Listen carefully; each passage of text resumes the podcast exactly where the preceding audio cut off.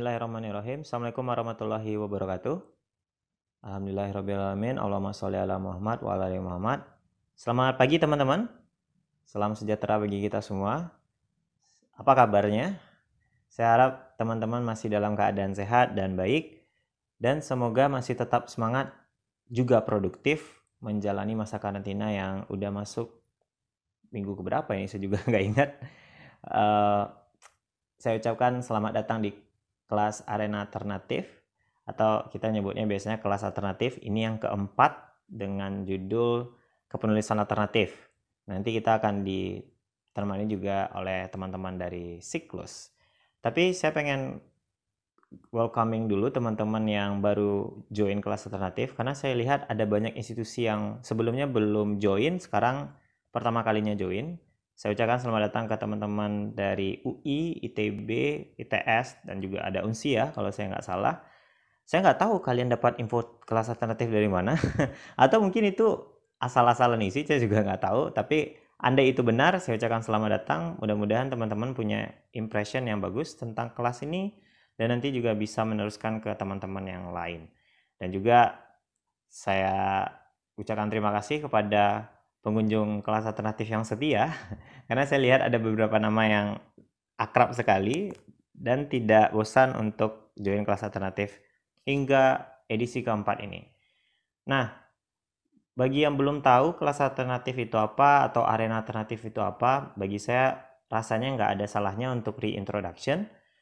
Jadi, arena alternatif itu adalah sebuah portal humaniora dan seni pertama di Indonesia di mana kita gabungin tiga niche.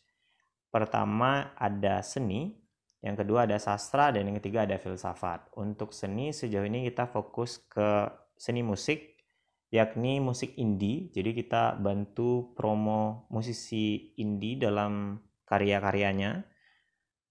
Dan kita uh, repost musiknya di niche kita. Kemudian kalau di sastra kita punya fokus ke puisi, jadi kita punya konten namanya puisi alternatif, di mana kita pengen bikin puisi versi arena alternatif tentunya. Dan teman-teman juga boleh ngirim karya yang menurut teman-teman dalam tanda kutip alternatif. Nah, gimana alternatifnya? Ya, teman-teman yang definisiin sendiri. Be yourself, guys. That's why we call it alternative. Dan yang ketiga ada filsafat.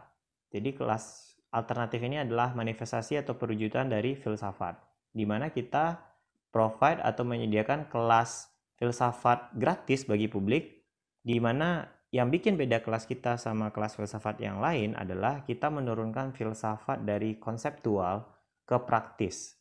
Kita punya misi untuk membumikan filsafat, di mana filsafat itu nggak harus jelimet, nggak harus rumit, tapi bisa lebih ke arah praktis dan sangat mudah dirasakan manfaatnya bagi kita semua, khususnya anak muda. Nah, hari ini kita pengen angkat tema kepenulisan alternatif. Jadi, basisnya pasti filsafat atau filosofi. Namun yang unik di kelas kali ini adalah kita featuring sama teman-teman dari Siklus. Nah, Siklus ini for your information adalah sebuah portal media yang bergerak di infografis. Jadi mereka adalah infografis media pertama di Sumbar dan tentu saja punya track record yang sangat cemerlang dan karenanya kita guide dia di kolaborasi ini. Nah, nanti bakal di sharing sama Dava dari siklusnya dan for your information lagi Dava ini adalah co-foundernya langsung dari arena uh, dari siklus sorry. Nah uh, berangkat dari form lagi, saya cek tadi baru uh, barusan. Jadi teman-teman punya ekspektasi yang macam-macam dan juga range umur yang macam-macam. Jadi ada yang anak SMA, ada juga yang umurnya udah 30, ada yang ekspektasinya pengen cari ilmu aja, atau ada ekspektasi yang pengen belajar menulis yang baik dan benar. Nah, saya pengen kasih disclaimer dulu di awal, saya sepertinya tidak menjanjikan itu. karena saya menjanjikan kelas kepenulisan alternatif. Artinya saya pengen sharing cara nulis yang versi arena alternatif dan apakah itu dinilai baik dan benar saya nggak tahu. Silakan nanti di evaluasi saja. Yang jelas kita akan bahas versi arena alternatif. Oke, seperti apa sih kepenulisan dalam versi arena alternatif? Yuk kita cek. Di awal kita mulai dari sinopsis kelas dulu. Jadi di kelas kepenulisan alternatif ini kita punya empat subtopik yang akan kita jabarin. Pertama, pabrik ide. Jadi di subtopik ini kita akan nyoal tentang gimana sih cara ngedapatin sebuah ide atau memformulasikannya apa teknik-teknik yang bisa kita coba dan apa aja yang sekiranya bisa kita lakuin untuk ngedapatin ide itu. Yang kedua kita bakal nyoal tentang teknik menulis idenya atau teknik kepenulisannya. Ini sebenarnya inti dari kelas ini. Bagaimana seorang penulis bisa menuangkan idenya mulai dari paragraf pertama pembukaan sampai paragraf terakhir kesimpulan dan naskahnya jadi. Dan yang ketiga, teknik memfinalisasinya atau tips dan trik yang bisa teman-teman coba untuk membuat sebuah naskah benar-benar jadi setelah disunting atau setelah diedit baik itu naskah dalam bahasa Indonesia maupun bahasa Inggris dan yang keempat cara membuat sebuah tulisan bisa viral atau saya nyebutnya marketing sebuah tulisan itu gimana agar gagasan atau ide dari tulisan ini bisa dikonsumsi oleh publik atau skala yang lebih besar dan juga manfaat dari tulisannya dirasakan oleh orang atau jumlah yang lebih banyak. Pada kesimpulannya, kelas alternatif kali ini atau kepenulisan alternatif pengen ngeliatin ke kita semua bagaimana sih cara atau pendekatan yang alternatif dalam membuat sebuah tulisan. Di banyak seminar, saya sering dapatkan pertanyaan dari penulis pemula biasanya tentang masalah mempertahankan motivasi menulis. Jadi pertanyaannya kira-kira kayak, Bang atau Kak, kita pengen nulis tapi sering kali kita tuh nggak jadi-jadi nulis akibat motivasinya hilang di tengah-tengah. Atau kita kehilangan semangat pas kita melakukan proses menulisnya. Dan di banyak kesempatan itu juga saya dengar jawaban yang sering dikasih narasumber itu kayak nggak apa-apa, saya juga kayak gitu dulu. Kamu harus tetap semangat, kamu harus tetap uh, memperjuangkan apa yang mestinya kamu tulis itu, gitu gitulah. Iya bagi saya itu juga jawaban ya. Cuman saya pengen kasih jawaban versi lainnya atau versi alternatifnya. Bagi saya kenapa sering kali kita kehilangan motivasi di tengah jalan ketika nulis itu karena kita nggak paham filosofi nulis itu apa. Apa yang kita pahami tentang menulis itu sering kali nggak tepat, sehingga karenanya mau dikasih motivasi pun, mau ngikut seminar kepenulisan apa pun, ya tetap aja nggak ada semacam inner power atau kekuatan dari dalam diri kita masing-masing untuk membuat motivasinya muncul. Nah, Problem ini dimulai karena kita nggak paham filosofi nulis itu apa. Karenanya di awal saya pengen ngasih penjelasan tentang filosofi nulisnya dulu. Untuk nerangin filosofi nulis ini, kita bawa tiga karya. Pertama ada dari Mark Manson judulnya sebuah seni untuk bersikap bodoh amat. Jadi singkatnya karya ini menyoal tentang cara hidup atau cara pandang dalam menyikapi dunia modern atau dunia yang serba materialistis. Jadi kita kan sering dibombardir dengan standar-standar kayak kalau sukses itu punya rumah, punya mobil, kita kerja di perusahaan multinasional, gaji sekian, atau kerja di sini sukses bla bla segala macam. Atau kalau kita lihat Instagram, ya orang yang sukses biasanya orang-orang yang punya barang-barang mewah atau orang yang sukses adalah punya teman-teman tongkrongan yang banyak terus terlihat bahagia bla bla bla segala macam. Seolah-olah hidup mereka bahagia semua itu. Nah Mark Manson pengen bikin orang lain sadar bahwa hidup yang kayak gitu semu dan sering kali bikin kita stres dan gak bahagia.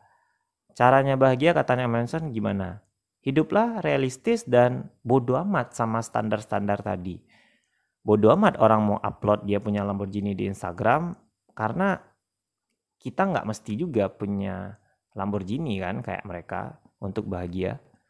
Dan bodo amat dengan standar harus kerja di sini gaji segini bla bla bla, nggak apa-apa. Kebahagiaan nggak datang dari situ. Kebahagiaan adalah ketika kita menikmati apa yang kita punya atau apa yang kita miliki hari ini. Jadi bodoh amat dengan gaya-gaya hidup orang, standar-standar orang. It's okay to be different. Jadi bodoh amat ini bukan bersifat apatis, tapi bodoh amat ini adalah cara atau pandangan hidup yang menjadikan diri kita versi terbaiknya dan kita nggak terpengaruh sama yang lain-lain karena kita selalu bilang bodoh amat kepada hal-hal yang menstandarisasi atau menentukan hidup kita. Berkat karya Mark Manson ini banyak orang yang awalnya materialis, ah sorry materialistis maksud saya, jadi lebih realistis dalam memandang barang-barang dalam hidup atau harta dalam hidup. Sehingga karyanya ini jadi bestseller dan Mark Manson jadi public speaker atau pembicara publik di banyak event di banyak training-training. Dia mampu mengubah cara pandang hidup orang yang sangat modern kemudian lebih realistis. Kemudian kalau Marie Kondo karyanya The Life Changing Magic of Tidying Up. Jadi Marie Kondo ini agak unik. Kalau kita punya konsep kebahagiaan itu berasal dari kemapanan di mana kita mampu menghimpun kekayaan, Katanya Marie Kondo, enggak. Kebahagiaan itu berasal ketika kita punya sedikit barang, tapi yang sedikit itu membahagiakan. Sehingga teknik dalam membuat bahagia itu katanya Marie Kondo, cluttering atau menyisikan barang-barang. Jadi misalnya kamu punya banyak barang, ada 10 sepatu, ada ratusan baju, kamu sisihkan, kamu pegang barang itu kalau rasanya ini membahagiakan kamu, simpan. Kalau biasanya itu kamu pakai tapi nggak merasa bahagia, donasikan. Jadi Mary Kondo pengen bilang ke kita, kamu tuh bisa bahagia kalau kamu punya barang-barang secukupnya aja. Dan berkat bukunya ini yang tentunya juga internasional bestseller, banyak orang yang akhirnya pindah gaya hidupnya dari yang awalnya menghimpun banyak barang ke sedikit barang. Jadi awalnya tuh rame itu kan rumahnya tiba-tiba jadi sedikit gitu. Itu Marie Kondo. Dan yang terakhir yang sangat fenomenal menurut saya itu ada dari pemikir asal Jerman kalau saya nggak salah namanya Karl Marx. Jadi teman-teman sering dengar namanya mungkin atau sering dengar pemikirannya. Jadi ada dua karyanya yang fenomenal, ada Das Kapital, ada Komunis Manifesto. Jadi Karl Marx ini bapaknya ideologi komunis. Dan jangan salah, berkat tulisannya yang dua itu tadi, sebenarnya ada banyak, tapi yang paling fenomenal ya dua itu. Karl Marx mampu membuat sepertiga wajah dunia berada dalam bendera komunis. Bayangin, dunia sebanyak itu negaranya, sepertiga jumlah negara sedunia itu pernah dalam ideologi komunis. Termasuk Uni Soviet juga terinspirasi dari cara berpikirnya Marx dan itu dimulai dari karya tulisannya Marx yakni Das Kapital dan Komunis Manifesto. Dan jangan salah, kita tahu kan ada fase di mana dunia ini mengalami perang dingin atau Cold War. Itu intinya orang berantem mau bunuh-bunuhan, baik di Jerman itu kan ada Jerman uh, Barat dan Jerman Timur ya, di mana orang bisa pecah sedemikian rupa di Vietnam juga kayak gitu hanya karena sebuah gagasan yang ditulis oleh Karl Marx. Bayangin.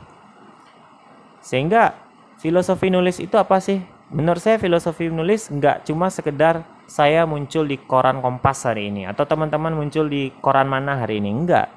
Tapi menulis adalah tentang gimana caranya kita mengubah peradaban, mengubah cara pandang orang, mengubah cara hidup orang, dan itu dimulai dari sebuah tulisan. That's how powerful a book or any writings. Jadi kebayang ya bahwa proyek menulis itu nggak abal-abal, nggak cuma sekedar berakhir di kertas atau tinta koran kemudian besoknya jadi bungkusan cabe enggak. Tapi kalau teman-teman bisa nulis, banyak hal dalam hidup ini berubah. Mark Manson mengubah cara pandang hidup orang yang materialisme jadi lebih uh, sederhana ya kan lebih jadi be yourself Marie Kondo mengubah cara hidup orang ke arah minimalis. Karl Marx udah mengubah banyak negara, termasuk sampai hari ini juga ada yang pakai ideologi komunis. Seperti itulah pentingnya nulis itu. Jadi menulis nggak cuma nulis-nulis doang atau kata-kata doang dalam aksara enggak. Tapi nulis adalah proyek merubah peradaban. Pahamilah ini agar teman-teman punya motivasi sendiri dan nggak kehilangan motivasi ketika nulis. Nah, setelah kita paham urgensi menulis, kenapa menulis itu penting, dan seberapa powerful sih sebuah tulisan, akhirnya kita sampai pada pertanyaan memulainya gimana sih? Tentu kita akan berangkat dari ide. Tapi pertanyaan yang sering dilontarkan orang juga, ide tuh gimana cara ngedapatinnya? Seringkali kita dapat ide tapi ternyata nggak wow, nggak signifikan. Atau bahkan mungkin ada idenya yang uh, salah atau nggak valid secara logika segala macam. Saya pikir ini cuma masalah teknik mencarinya aja. Biasanya saya pakai tiga teknik ini. Pertama ada yang saya sebut dengan observasi langsung. Kata-kata kuncinya ada yang saya tulis di slide. Lihat, baca, obrolin, renungin. Yang kedua ada research gap. Dan yang ketiga ada saran penelitian. Yang pertama, observasi langsung. Apa sih yang saya sebut dengan observasi langsung? Intinya kamu harus jadi orang yang peka dan ngelihat lingkungan sekitar itu secara serius. Jadi nggak cuma ngelihat terus lewat nggak kayak gitu. Tapi benar-benar kamu pikirin. Dan banyak hal sebenarnya bisa ngasih kamu ide. Misal di tahun 2018 itu karya saya tentang bajamba. Jadi saya lihat banyak makanan di meja saya itu berlebih. Tapi di saat yang sama ketika saya lewat di jalan yang ada tempat sampah itu banyak orang yang nggak makan, ya nggak sih? Kalian sering lihat itu kan? Tapi dari situ muncul sebuah pertanyaan, sebenarnya masalah tentang pangan kita tuh ada di mana? Apakah jumlah makanannya yang bermasalah atau sebenarnya distribusinya? Nah, mulai dari situ saya cari datanya. Ternyata faktanya mengejutkan. Indonesia itu mengalami tingkat kelaparan berdasarkan indeks hunger di hubungan internasional atau di politik internasional itu masuk kategori serius. Skornya itu udah mengkhawatirkan. Itu dihitung dari angka stunting, angka orang uh, mati karena kelaparan dan segala macam. Udah masuk tingkat serius.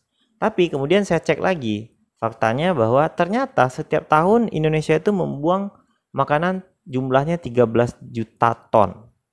Itu kan berarti ada angka yang timpang di sini. Berawal dari observasi saya meja makan saya sendiri dan orang lain yang susah makan. Divalidasi dari bacaan saya, kemudian muncul sebuah gagasan. Saya pengen bikin sebuah solusi yang bisa menghubungkan ketimpangan supply yang ada. Jadi ketahanan pangan tidak berasal dari jumlah makanan yang ditambah, tapi bagaimana memanfaatkan jumlah makanan yang udah ada dengan memperbaiki distribusi makanan. Sehingga cara mendistribusi ini adalah mengadakan sebuah aplikasi yang bisa menghubungkan orang yang punya makanan surplus kepada orang-orang yang membutuhkan makanan. Yang membutuhkan makanan siapa? Institusi sosial seperti panti asuhan, rumah singgah, dan lain-lain. Yang punya makanan surplus setiap hari biasanya yang mana? Ya restoran, hotel, uh, rumah makan, dan lain-lain.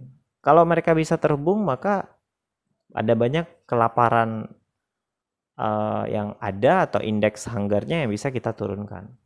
Idenya sesimpel itu aja, tapi ternyata setelah ditulis dan setelah dielaborasikan dapat membuat LIPI tertarik mendengar presentasi saya dan melalui jaringan LIPI presentasi itu bisa kembali dibawakan ke Bangkok di acara ASEAN Next 2019. Sesimpel itu. Ya kan? Dalam situasi sekarang misalnya, cara nyari ide tuh diobservasi apa yang baru-baru ini terjadi. Ya tentu kita akan jawab COVID ya kan. COVID. Terus ide apa yang bisa kita hasilkan dari COVID? Ya, kamu lihat aja diri kamu sendiri misalnya. Kamu mahasiswa. Mahasiswa sering organisasi, ya kan? Karena nggak ada tuh mahasiswa sekarang yang pengen cari IPK doang, saya nggak ada. Masing-masing orang pasti sadar hari ini tentang manfaat organisasi. Sekutu buku apa pun orang. Tapi kan masalahnya ketika kita COVID-19, organisasi nggak bisa ngumpul kayak biasa. Organisasi kemudian juga shifting ke online system. Nah, kebanyakan orang pengen ikut organisasi karena dia pengen mengasah leadership atau kepemimpinan. Pertanyaannya yang muncul dari observasi kita adalah, terus gimana nih kepemimpinan di bawah kondisi COVID-19 sekarang? Nah, dari situ bisa bikin gagasan kira-kira seni memimpin di bawah pandemi. Nah, misalnya gitu kan. Atau kepemimpinan COVID-19, sebuah pendekatan kepemimpinan dalam kondisi pandemi. Nah, kan bisa dibikin kayak gitu. Itu bisa jadi tips orang untuk bagaimana mengorganisir sebuah institusi atau bagaimana menjalankan organisasi kampus di bawah kondisi pandemi, apa aja platform yang bisa kita gunakan, apa tipsnya menjalankan platform biar nggak komunikasinya salah atau miskomunikasi misalnya, bla bla bla segala macam. Ya kan? Bisa bikin tulisan di mana gitu tentang tips dan triknya. Dari sana gagasan banyak sekali muncul. Atau di kedai kopi saya juga sering diskusi-diskusi. Misal pemahaman kita tentang cinta. Kita menganggap bahwa cinta itu suatu perasaan yang kita rasakan anugerah gitu kan. Tiba-tiba kita jatuh cinta atau andaikan pun tidak tiba-tiba ya perasaan itu muncul tanpa dibuat-buat ya kan. Tapi diskusi kedai kopi kadang-kadang bikin saya berpikir ulang Apakah ya itu yang cinta itu? Karena ada orang yang nikah bahkan nggak cinta, tapi ternyata nikahnya juga jalan kok, ya kan? Terus cinta itu apa sih gitu? Saya mulai cari-cari dari diskusi itu, akhirnya saya temukan ternyata cinta itu secara kimiawi bisa dijelaskan bahwa ada semacam hormon di otak kita yang diproduksi ketika kita jatuh cinta. Dan setelah saya telusuri lagi, ternyata hormon itu bisa dipicu dengan kontak fisik atau kontak verbal. Kayak kamu ngegombal itu kan kontak verbal, ya kan? Jadi ketika itu distimulus, otak kemudian merespon, otak menghasilkan reaksi kimia dan akhirnya kamu merasakan rindu, kamu merasakan menggebu-gebu dan segala macam. Dan dari situ kita bisa dapat sebuah teori psikologi bahwa cinta itu ternyata bisa direkayasa. Caranya dengan melakukan kontak fisik atau kontak verbal tadi dan itu bisa dilakukan setelah kamu nikah bahkan sebelum kamu jatuh cinta makanya ada orang yang jatuh cintanya belakangan ya kan jadi nggak harus ternyata ya nikah itu jatuh cinta dan kamu bisa bikin tulisan misalnya rekayasa cinta sebuah uh, sebuah keterangan psikologis tentang bla bla bla bla gitu atau cinta dalam perspektif kimia bla bla bla gitu. Ya gitu. Dari observasi-observasi kayak gitu. Atau senior saya pernah ikut PIMNAS, dia pernah lihat orang nulis gagasan tertulis atau kategori GT tentang satelit ikan. Prinsip dia berpikir menurut saya sederhana. Dia pengen nolong nelayan nangkap ikan. Ya kan? Ikan itu kan dalam teknologi yang kita punya hari ini dideteksi dengan sonar. Jadi ada semacam gelombang yang kita kirim di bawah laut, terus ketika dia menyentuh ikannya, gelombang itu dipantulkan. Dari situ kita bisa deteksi posisi ikannya. Sekarang gelombang kan nggak harus dari sonar. Ternyata gelombang juga ada dihasilkan dari satelit. Nah, dari situ muncul ide bahwa kenapa nggak kita bikin satelit pendeteksi ikan. Jadi satelit yang nembakin gelombang, terus bisa dipantulkan ke ikannya, dari situ kita bisa petakan ikan sedunia. Dan itu tembus ke nasional. Idenya kayak gitu-gitu aja. Ya kan? Jadi cara pertama yang paling ampuh untuk menghasilkan ide-ide yang wow, kamu harus jadi orang yang peka mengobservasi. Jangan cuma sekedar lihat terus udah lewat gitu, jangan. Coba pertanyakan banyak hal yang kamu lihat. Yang kedua, research gap. Nah, ini yang saya pakai waktu saya nulis skripsi. Research gap itu kamu baca tulisan A, B, C, terus kamu lihat apa sih yang A, B, C belum bahas. Misal nih, saya meneliti tentang Paris Agreement. Jadi Paris Agreement itu adalah sebuah perjanjian internasional yang memegang komitmen negara untuk mengurangi gas emisi. Salah satu negara yang meratifikasi itu adalah Amerika Serikat.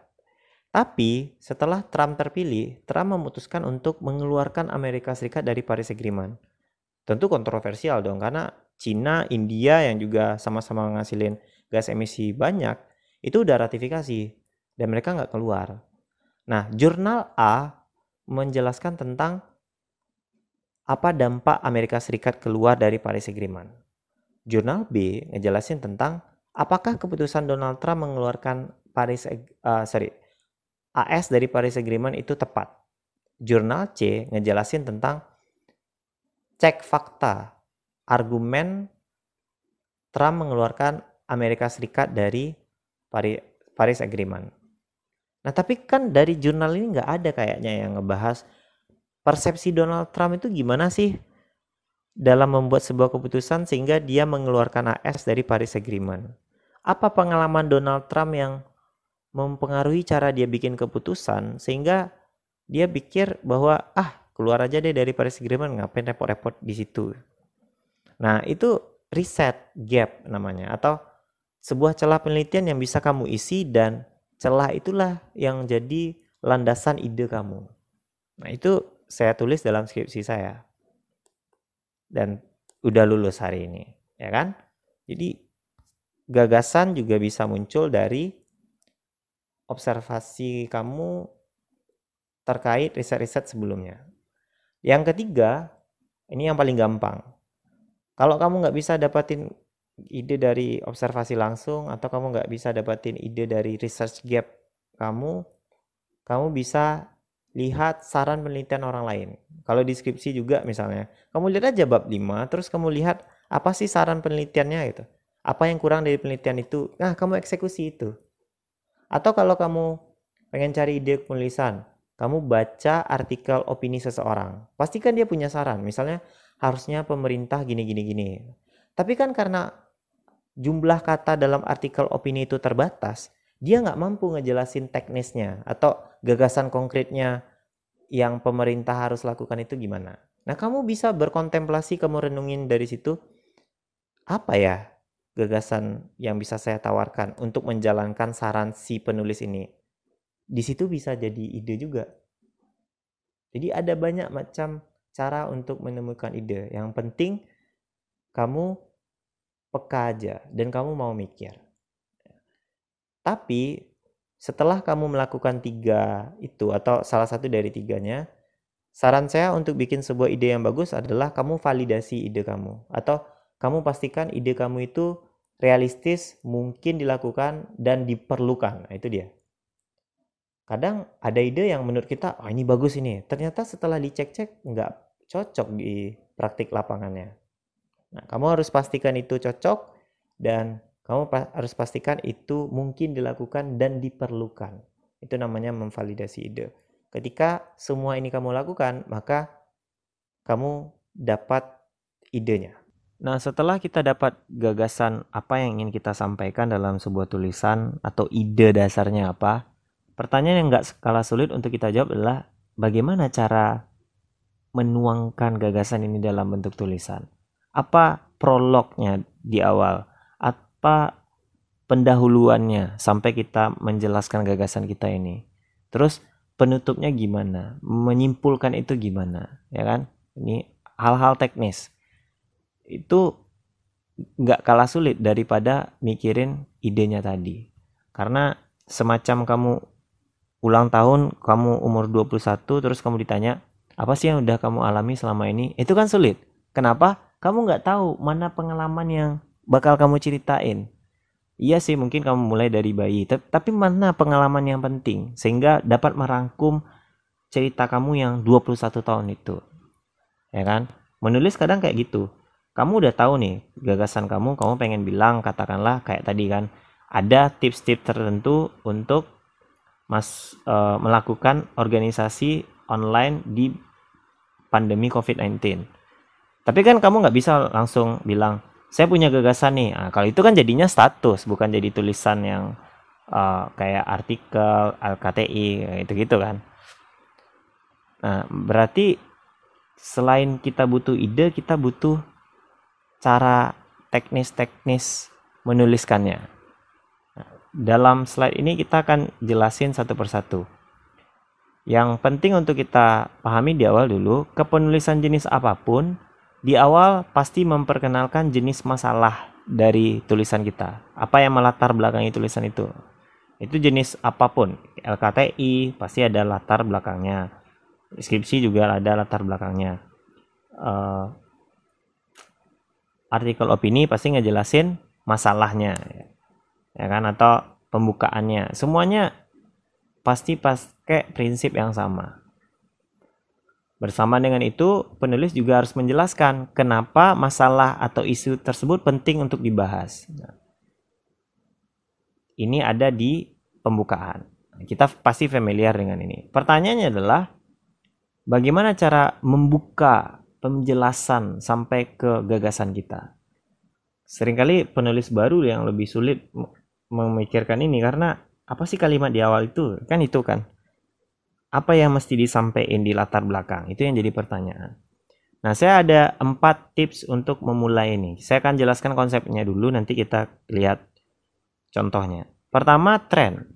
Tren itu adalah kamu memulai sebuah penjelasan masalah kamu dengan menjelaskan kecenderungan orang merespon masalah itu atau kecenderungan kebijakan atau preferensi publik sehingga masalah itu penting untuk kita bahas. Misalnya COVID-19 ini. Apa sih tren orang merespon COVID-19? Misalnya orang hari ini banyak yang nggak sadar pakai masker misalnya. Atau hari ini trennya orang dilema antara uh, bekerja atau tidak bekerja atau memperdulikan kesehatan. Nah, itu namanya tren. Ya. Yang kedua, ada norms. Norms artinya menjelaskan definisi atau nilai yang secara umum diterima oleh publik. Misalnya kamu menjelaskan tentang hmm, banyaknya tenaga kerja yang di PHK. Terus gagasan kamu adalah menurut kamu solusinya bukan pemecatan negara uh, pemecatan karyawan, tapi justru bagaimana korporat mengusahakan untuk mengalih mengalihkan servisnya menjadi online sehingga bisnisnya tetap berjalan dan untuk mengalihkan itu kan butuh karyawan sehingga gagasan kamu bukan kita mecat karyawan tapi kita memanfaatkan karyawan untuk mempertahankan bisnis dengan mengubah servis kita yang awalnya offline jadi online. Nah, untuk bisa ke gagasan itu, kamu jelasin norms.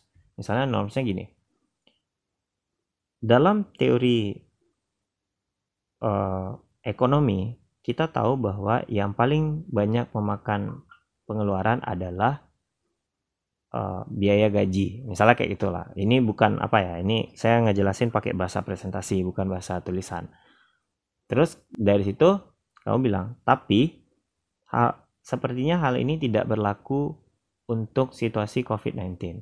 Dalam tulisan ini penulis akan menjabarkan mengapa dalam situasi COVID-19, pemecatan karyawan bukanlah sebuah solusi untuk menghadapi krisis bisnis. Nah, itu namanya kamu mulai sebuah tulisan dengan norms.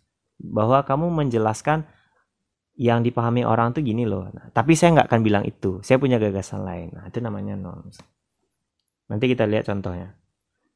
Tipping point. Tipping point adalah kamu ngejelasin sebuah pembukaan tulisan dengan menjelaskan rentetan peristiwa terkait masalah di tulisan kamu. Misalnya, kamu pengen ngejelasin tentang solusi kamu uh, mengenai COVID-19 yang uh, yang tadi lah shifting bisnis model, bukan memecat karyawan. Kamu ngejelasin COVID-19-nya dulu dengan uh, awalnya COVID-19 itu terjadi di Cina, terus merebak gini-gini. Dan ternyata efeknya juga ke ekonomi karena cara orang menghindari virus ini dengan stay at home dan tentu saja itu mempengaruhi market. Nah, akan tetapi cara merespon ini bukan dengan memecat karyawan. Nah, kamu jelasinlah gagasan kamu tadi. Cara seperti itu disebut dengan tipping point atau menjelaskan rentetan peristiwa dari isu itu dimulai sampai kita sekarang ngebahas solusinya atau ngebahas gagasan inti tulisannya. Yang keempat, pertanyaan kontroversi atau pertanyaan persuasif yang memancing. Misalnya gini, kamu sering kan lihat uh, biasanya tulisan-tulisan semi formal sih. Tahukah kamu ternyata ah kan gitu-gitu kan atau ah, di masalah topik 19 tadi lah, uh, COVID-19. Apakah kamu adalah seorang korban PHK uh, COVID-19 atau atau kamu adalah leader dari perusahaan tertentu. Nah, itu namanya memulai sebuah tulisan dengan menanyakan si pembaca. Ini kamu bisa temui di banyak uh, tulisan. Yang kedua, mengenai isi. Ketika kita menjelaskan isi atau gagasan inti kita tadi, ada tiga yang sebenarnya harus kita ingat. Setiap gagasan atau setiap analisis, setiap pokok pikiran tulisan kita harus punya tiga komponen. Pertama, klaim atau idenya tadi. Yang kedua, reason atau alasan kenapa ide kamu tadi patut untuk dipertimbangkan. Dan yang ketiga, evidence atau bukti. Kenapa gagasan kamu tadi valid atau kenapa menurut kamu gagasan kamu benar. Buktinya ini pernah diterapin di sini misalnya. Nah, itu namanya cara menyusun sebuah isi. Jadi, analisis di isi itu prinsipnya cuma tiga ini, claim, reasoning, sama evidence. Nah, yang terakhir, cara kita menutup sebuah tulisan gimana sih? Kamu bisa menyisipkan pesan moral. Yang kedua, kamu bisa mengarahkan pembaca untuk menjadi optimis, misalnya kita memberikan pandangan pandangan-pandangan optimis atau positif kan kamu sering kayak gitu tuh. Nah, nanti kita lihat contohnya lebih konkret. Atau kamu memberikan pertanyaan yang membuat tulisan itu menggantung. Nah, itu juga bisa jadi penutup. Mungkin itu konsepnya. Sekarang mari kita lihat bagaimana penulis menerapkan konsep ini. Setelah tadi kita udah bahas konsep tentang bagaimana menuangkan sebuah ide, kita sekarang lihat bagaimana konsep itu diterapkan oleh penulis. Dari Tirto, reporternya ada Felix Nathaniel di sini dengan judul Bagaimana Masyarakat Dunia Bertahan Hidup di Tengah Lockdown. Sekarang kita lihat bagaimana Felix membuka tulisannya. Lockdown atau tidak lockdown itu masalahnya Indonesia. Sejumlah negara sudah mengambil langkah lockdown untuk mencegah penyebaran virus corona COVID-19. Sering bertambahnya pasien positif corona dan men yang meninggal dunia, pemerintah Indonesia mendapatkan desakan dari sebagian masyarakat untuk mengikuti langkah negara lain, lockdown. Setelah ramai lockdown di Cina, lockdown merambah Eropa, tepatnya di Italia. Denmark menyusul menerapkan lockdown satu negara. Beberapa negara lain akhirnya ikut mengunci diri seperti Spanyol dan Irlandia. Negara Asia Tenggara yang juga melakukan lockdown adalah Filipina. Nah, kita analisis judulnya bagaimana masyarakat dunia bertahan hidup di tengah lockdown. Pastikan gagasan si Felix adalah menjawab pertanyaan ini. Ya gimana caranya masyarakat bertahan? Tapi cara dia membuka kasusnya atau tulisannya dengan menjelaskan tren tentang lockdown. Nah, dari sini kemudian dia lanjut tren tiap negara memperlakukan lockdown secara berbeda. Italia yang setidaknya punya 643 korban bla bla bla bla ya kan. Pemerintah juga melarang warga berpergian. Ini masih yang sama. Spanyol memerintahkan warganya untuk bekerja dari rumah. Filipina memilih untuk melakukan lockdown di Manila. Ya kan? Ini cara-cara mereka melakukan lockdown. Itu masih opening, masih pembukaan. Kami tidak menggunakan kata itu karena kalian akan takut dengan lockdown, tapi ini memang lockdown, kata Duterte seperti dilansir Al Jazeera. Nah, ini kan masih opening. Nah, kemudian dia baru masuk inti tulisannya. Menjaga mental di tengah lockdown, warga Manila, Italia, dan beberapa negara lain harus menerima kehidupan yang tak berjalan normal seperti hari-hari sebelum corona merebak. Lagu-lagu yang biasanya muncul dari dalam kafe kini terdengar di jalanan.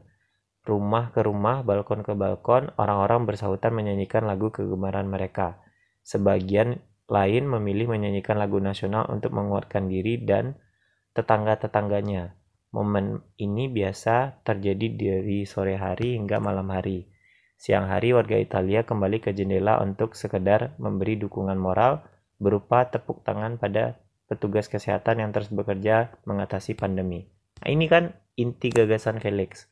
Oh ternyata orang menjaga mental dalam situasi lockdown. Caranya ya bernyanyi.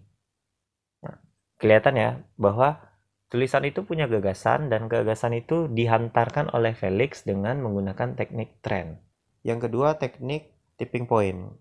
Saya di sini menggunakan tulisan saya sendiri karena saya kesulitan mencari contoh tipping point jadi Tulisan saya judulnya Nur Hadi Aldo versus Demokrasi. Jadi di tulisan ini sebenarnya saya ingin membahas tentang apa dampak fenomena paslon fiktif terhadap demokrasi Indonesia. Jadi saya mulainya dengan tipping point seperti berikut ini. Tahun panas pemilu. Periode menuju Pilpres 2019 kali ini semakin memanas. Hal ini dapat dilihat dari kritik kebijakan infrastruktur, ekspor impor, hingga hal-hal bersifat sensasional seperti latar belakang dari kedua pasangan calon atau paslon. Adu kesalahan kata dalam pidato yakni Sontoloyo versus Tampak Boyolali yang semakin hari menunjukkan agresivitas dari oposisi dan petahana. Istilah cebong atau kampret pun sering digunakan oleh kedua belah pihak guna menyindir karakter tim sukses satu sama lain. Alhasil mau tidak mau publik harus dihadapkan pada perdebatan yang sering kali tidak substantif. Di sisi lain, selama periode berlangsung, masyarakat terbagi menjadi dua kubu yang eh, dengan kontras yang sangat ekstrim. Bentrokan demi bentrokan terjadi di berbagai daerah seperti Riau, Surabaya, dan Pangkal Pinang akibat gerakan 2019 ganti presiden dari berbagai eh sorry, dari pihak oposisi dinilai makar dan inkonstitusional oleh pemerintah sehingga harus dibubarkan. Ini kan ngejelasin dinamika konflik pemilu dari awal sampai yang paling panas kan. Ini namanya tipping point. Dan ini sebenarnya gunanya untuk ngejelasin gagasan saya di tengah. Jadi intinya gagasan saya cuma pengen bilang kayak gini. Setelah kemunculan Nur Hadi Aldo, rakyat menunjukkan kecenderungan untuk lebih menyukai postingan dari Nur Hadi Aldo secara pesat Preferensi ini dapat dilihat dari jumlah pengikut akun tersebut yang bahkan mengalahkan pengikut jumlah partai politik di media sosial resmi mereka. Ya kan? Dari analisis di atas dapat disimpulkan bahwa satire humor politik satire humor Nur Hadi Aldo berpengaruh untuk membuat masyarakat tidak begitu meminati pendidikan politik. Padahal pendidikan politik pada dasarnya lebih penting daripada humor politik Memang kecenderungan ini tidak serta-merta memancing golput, namun kecenderungan masyarakat yang menyampingkan percakapan kritis mengenai paslon 01 dan 02 dikhawatirkan membuat pendidikan politik semakin diabaikan. Intinya cuma itu. Saya khawatir tentang pendidikan politik. Nah, cara saya membuka kasus saya tadi adalah dengan menjelaskan bagaimana konflik instabilitas politik itu semakin hari semakin memanas. Nah, ini disebut dengan teknik tipping point. Nah, selanjutnya adalah teknik membuka tulisan dengan norms dan juga pertanyaan. Saya dapat contoh yang menggunakan dua-duanya sekaligus. Jadi ini artikelnya mengulas tentang kisah Mahatma Gandhi, bapak anti kekerasan yang menginspirasi. Berarti kan kita cerita tentang kisahnya Mahatma Gandhi itu sampai dia dinobatkan sebagai bapak anti kekerasan. Nah, cara membukanya apa? Jelasin norma yang berlaku hari ini. Di seluruh belahan dunia, setiap tanggal 2 Oktober diperingati sebagai Hari Tanpa Kekerasan Internasional. Hari Tanpa Kekerasan Internasional atau International, International Day of Non-Violence diresmikan oleh PBB menurut resolusi Majelis Umum bla bla bla tanggal 15 Juni 2007. Hari tanpa kekerasan internasional ini adalah hari yang dirasa tepat untuk menyebarkan pesan anti kekerasan termasuk melalui pendidikan dan kesadaran publik. Nah, itu namanya norms. Kita memulai menjelaskan Mahatma Gandhi justru dengan menjelaskan norma hari ini yakni 2 Oktober diperingati sebagai hari tanpa kekerasan internasional. Terus kita lanjutin. Namun, mengapa sebenarnya 2 Oktober ditetapkan menjadi hari tanpa kekerasan internasional oleh PBB? Nah, jelasin lagi. Itu masih dalam pembukaan intinya barulah kita cerita tentang kisah Mahatma Gandhi. Cerita transformasi Gandhi muda yang pemalu menjadi sosok legendaris dan berpengaruh di dunia dimulai pada tahun. Nah, jadi cara memulai tulisannya dengan teknik norms plus pertanyaan. Ini dari Zenius Education. Sebagian isi saya ngambil sampel dari Liputan 6, sebuah tulisan dari Doni Ismanto Darwin, founder Indo Telco Forum, di mana judulnya COVID-19 dan Transformasi Digital. Dari judulnya kita bisa tebak beliau ingin menjelaskan bagaimana hubungan COVID-19 dengan transformasi digital atau perpindahan kebiasaan orang ke arah yang lebih digital. Nah, cara dia membuka tulisannya seperti yang kita jelaskan jadi ada teknik bertanya atau mengajukan pertanyaan. Menurut Anda siapa yang mendorong transformasi digital bisa begitu cepat di Indonesia saat ini? Seorang CEO, CTO, CEO atau COVID-19? Tanyanya. Terus isi tulisannya menjawab pertanyaan itu. Melihat kondisi sekarang, tentunya wabah virus corona atau COVID-19 adalah akselerator utama dari transformasi digital bergulir demikian kencang tak hanya di Indonesia mungkin juga global ya kan? Nah, yang ingin kita sorot di sini adalah bagaimana dia menyusun gagasan dia. Saya melihat di sini dia menyusunnya dengan format deduktif.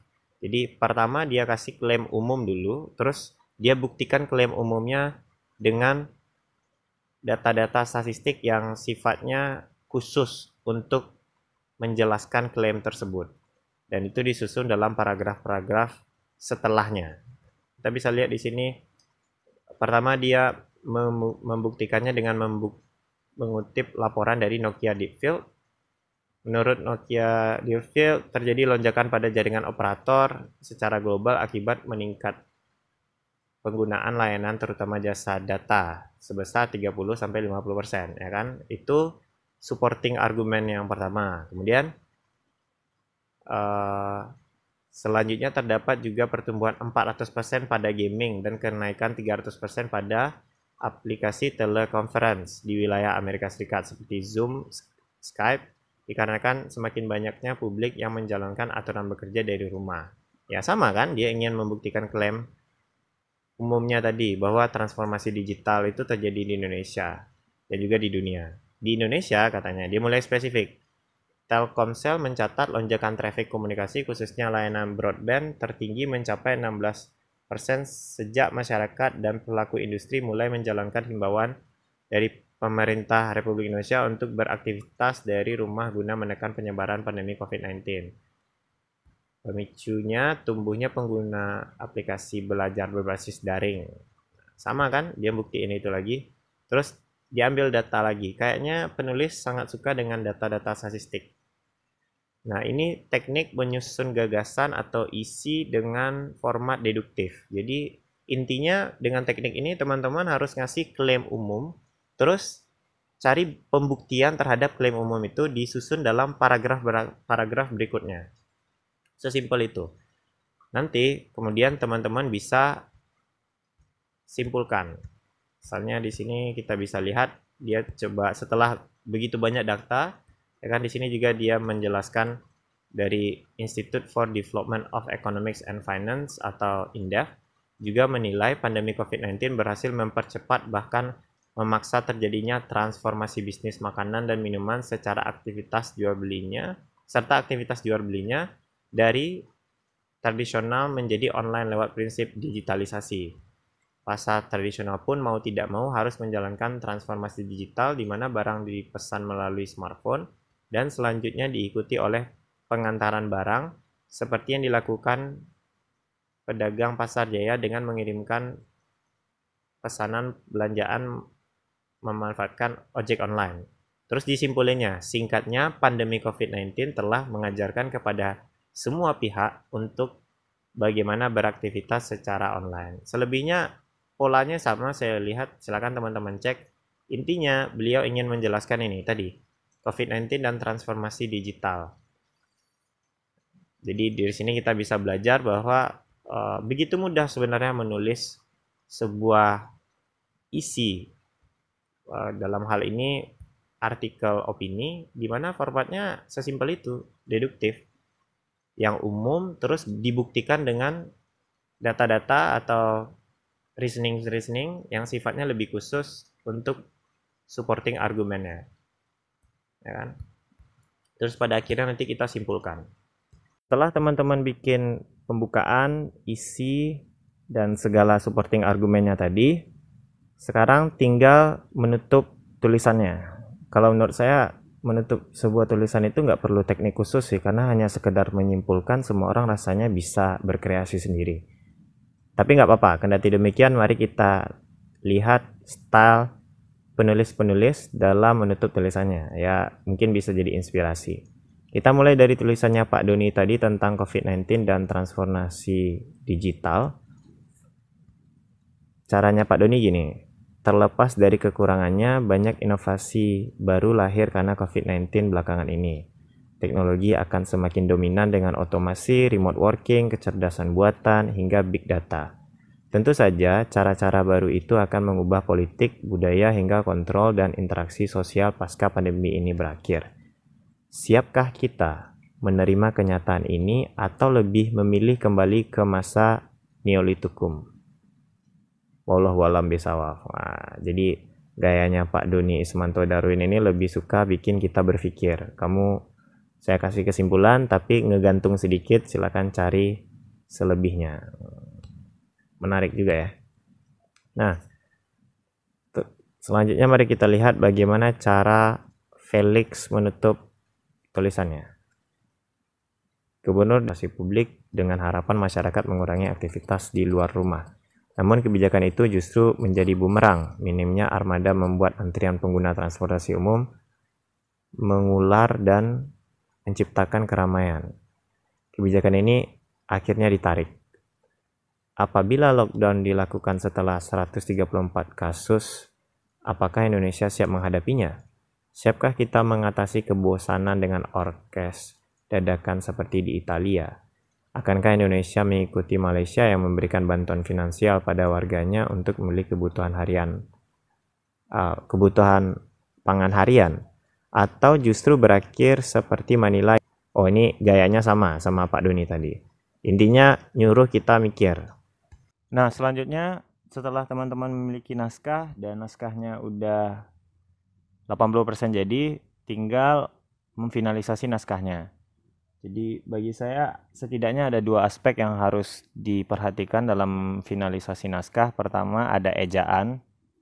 Jadi apakah ejaan dari kata-kata yang teman-teman tulis sudah sesuai dengan KBBI? Atau yang kedua yang paling sering saya lakukan adalah typo. Ada nggak yang uh, A-nya hilang atau eng-nya hilang? Itu sering terjadi. Apalagi teman-teman punya masalah kayak saya jadi kalau saya tuh masalahnya otak saya tuh kadang terlalu cepat dan nggak sinkron sama tangan atau mulut saya mungkin tadi pas saya baca teman-teman perhatikan ada kata-kata yang saya lewatkan itu bukan berarti saya nggak lihat kata-katanya saya lihat tapi bagi saya kelamaan bacanya dan otak saya lebih mendahului daripada mulut saya mengetik juga kadang-kadang kayak gitu ada kata-kata yang kemudian lewat atau nggak sengaja typo ini bisa diantisipasi dengan mereview atau memfinalisasi tulisan kamu. Ada dua bahasa yang sering saya gunakan ketika nulis, ada bahasa Inggris, ada bahasa Indonesia. Tadi saya sengaja reviewnya yang bahasa Indonesia agar bisa diikuti oleh semua orang. Pertama, untuk bahasa Indonesia saya punya dua saran platform, yakni ejaan.id. Jadi teman-teman bisa cek ejaan teman-teman dengan submit teksnya ke website ini kemudian nanti dia akan coba improve atau dia akan coba koreksi mana aja ejaan yang nggak sesuai KBBI kalau typo silakan teman-teman coba platform typo online. Sama sih cara kerjanya, teman-teman submit tulisan teman-teman dan mereka akan koreksiin automatically. Kalau bahasa Inggris, saya sangat suka aplikasi namanya Grammarly. Jadi ini lengkap. Dia bisa koreksi tata bahasa dan juga typo. Dan dia ada atau available di handphone dan juga di PC atau di laptop. Dia ini bisa juga bantu kita untuk nulis sesuai dengan tujuan kepenulisannya. Misalnya teman-teman pengen tulisannya ini punya atmosfer santai atau atmosfer confident, atmosfer formal. Nah, dia bisa pilihin diksi-diksi yang sesuai dengan tujuan tersebut. Jadi kalau saya teknik finalisasi saya, saya selalu mengandalkan aplikasi atau artificial intelligence seperti ini karena saya pribadi sering teledor kalau untuk hal-hal teknis. Saya nggak tahu, mungkin teman-teman ada pengalaman khusus menggunakan aplikasi atau ada cara lain, silakan nanti ditambahin di sesi question and answer. Oke, terakhir adalah cara memviralkan sebuah tulisan. Mungkin slide ini saya kasih klarifikasi dulu. Saya nggak akan nerangin tentang SEO, saya nggak akan nerangin tentang gimana search engine bekerja enggak tapi saya coba jelasin teknik sharing yang relatively bisa bikin teman-teman punya pembaca yang lebih luas gitu. Pertama, untuk bikin tulisan viral itu, teman-teman harus upayakan dia terbit dulu, pasti ya. Tapi tips saya, kalau pengen tulisannya terbit dan itu tulisan pertama teman-teman, cobalah di level yang lokal dulu, katakanlah media kampus. Kenapa? Karena dari situ kita bisa belajar banyak tentang gimana sih selera editor. Kadang-kadang kita ngerasa tulisan kita bagus, tapi kadang-kadang bagi editor enggak. Bukan berarti mungkin tulisan kita jelek, tapi selera kita beda. Nah, kita harus latihan membaca selera editor ini dengan berlatih di media-media lokal dulu. Kalau nanti polanya udah dapat, silakan pergi ke media kota atau provinsi kayak gitu-gitu. Barulah nanti ke nasional. Karena bicara tentang penyesuaian antara si penulis dan selera editor itu lebih ke arah jam terbang. Jadi harus dilatih. Yang kedua, jangan lupa bikin semacam program self improvement. Jadi setelah tulisannya terbit, jangan pernah malu untuk share tulisan itu dan minta feedback ke orang-orang sekitar. Karena dengan begitu orang-orang sekitar yang dapetin link tulisan kita terus menurut dia itu bagus, dia akan share lagi ke orang lain tanpa diminta. Itu yang terjadi sama tulisan saya yang Bajamba yang bikin saya bisa pergi ke Bangko alhamdulillah. Itu dosen saya secara volunteer atau sukarela nge-share tulisan itu tanpa saya minta. Karena menurut dia ah ini anak nih punya gagasan yang unik gitu. Jadi sampailah itu kemudian dilihat sama LIPI dan LIPI kemudian forward itu ke event ASEAN Next di Bangkok. Jadi jangan pernah malu untuk minta feedback. Dan caranya ya share tulisan kalian makanya usahain dulu terbit tulisannya dan yang terakhir jangan pernah uh, putus asa ketika tulisan itu ditolak oleh satu media karena bisa jadi media itu nggak suka tulisannya akibat selera kalian beda gitu. Tapi cobalah terbitin ulang tulisan itu di media lain, siapa tahu inline sama cara kalian nulis dan selera editornya. Nah, itu aja mungkin cara viralin tulisan kalian. Pertama jangan ekspektasi tinggi-tinggi dulu, coba di media yang lokal dulu biar jam terbang kalian tinggi Kemudian jangan lupa minta feedback. Dan yang ketiga, cobalah redistribute atau kirim ulang tulisan-tulisan yang nggak tembus di satu media ke media lain agar dia bisa terbit. Kemudian ulangi step-stepnya. Mungkin itu dari saya. Kalau ada pertanyaan, nanti kita bahas di Q&A. Dari arena alternatif cukup. Kita move on ke teman-teman dari siklus. Assalamualaikum warahmatullahi wabarakatuh. Selamat pagi, salam sejahtera bagi kita semua.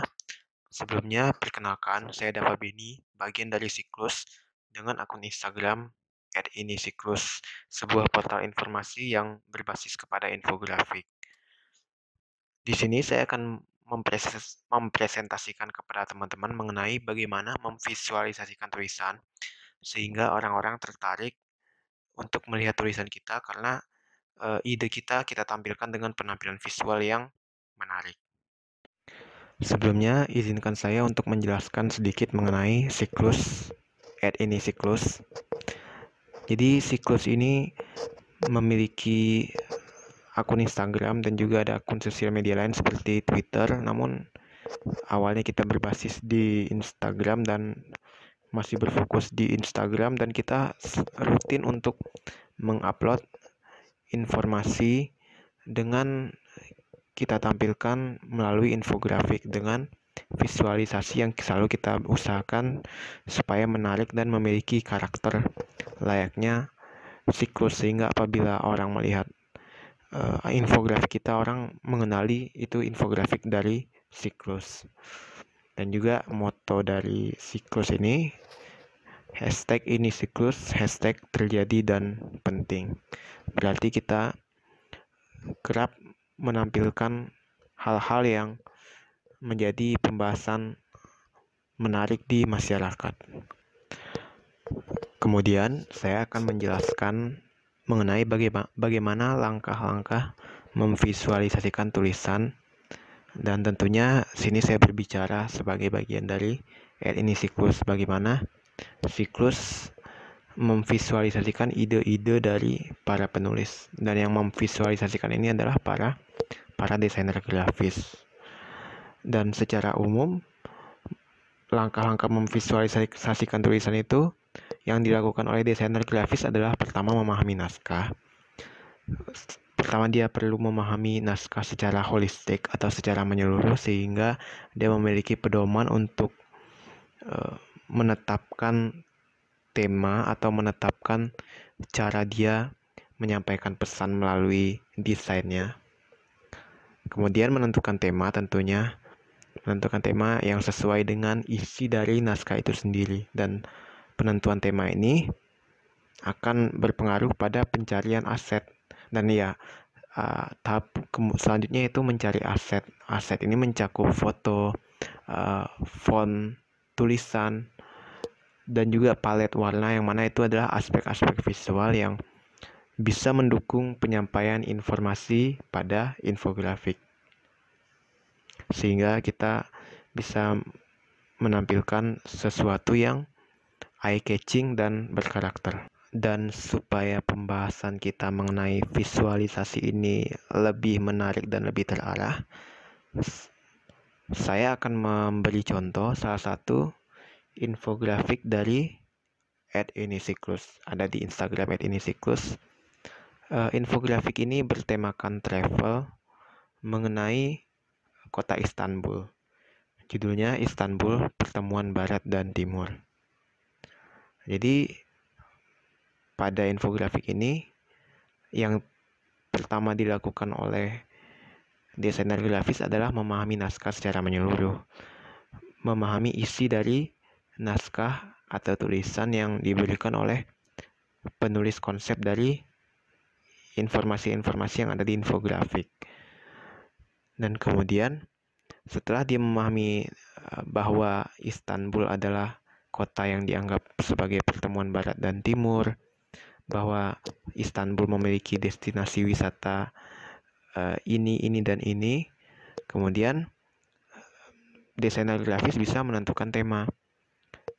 Karena infografik ini bertemanya pariwisata sehingga akan lebih baik apabila uh, disertai foto-foto objek wisata karena untuk mengesankan bahwa wah ini adalah sebuah info pariwisata sehingga lebih menarik dan lebih menunjukkan temanya.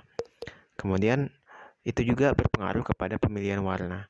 Alasan dari desainer grafis memilih warna coklat adalah karena Istanbul memiliki kesan eksotis dekat dengan budaya dari Timur Tengah sehingga dipilih warna coklat untuk menguatkan kesan eksotis itu tadi gitu.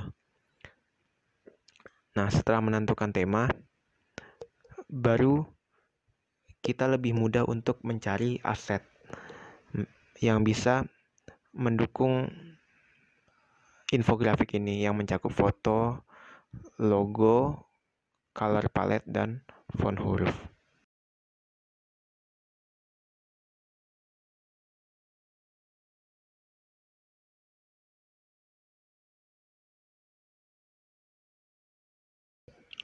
Kemudian kita masuk pada tahap menyesuaikan infografik dengan tema dan karakter siklus. Jadi uh, desainer grafis siklus ketika mereka membuat infografik, mereka tidak tidak begitu saja membuat infografik sesuai dengan selera mereka, namun mereka juga berpatokan pada desain-desain sebelumnya yang sudah ada di ad ini siklus sehingga membuat siklus semakin berkarakter dan memiliki ciri khas. Nah, pada infografik Istanbul ini kita bisa lihat backgroundnya warna coklat. Backgroundnya satu warna dasar. Kenapa? Karena siklus itu memiliki konsep dan ciri khas yang minimalis, modern minimalis, sehingga desainer grafis menggunakan satu warna dasar sebagai backgroundnya. Dan pada kata-kata tertentu itu diberi highlight untuk men menunjukkan kesan untuk memperkuat kesan pada kata-kata yang dianggap penting tadi. Dan kita bisa lihat di sini kata-kata tertentu di highlight dengan warna hijau. Dan baru setelah ada background warna coklat atau background warna dasar baru di, di ditutupi dengan foto-foto objek wisata, foto dari ikon Istanbul dan tulisan-tulisan. Kemudian baru pada tahap terakhir desainer grafis menyusun layout, letak foto, dan lain-lain. Sekian dari saya, semoga bermanfaat. Terima kasih.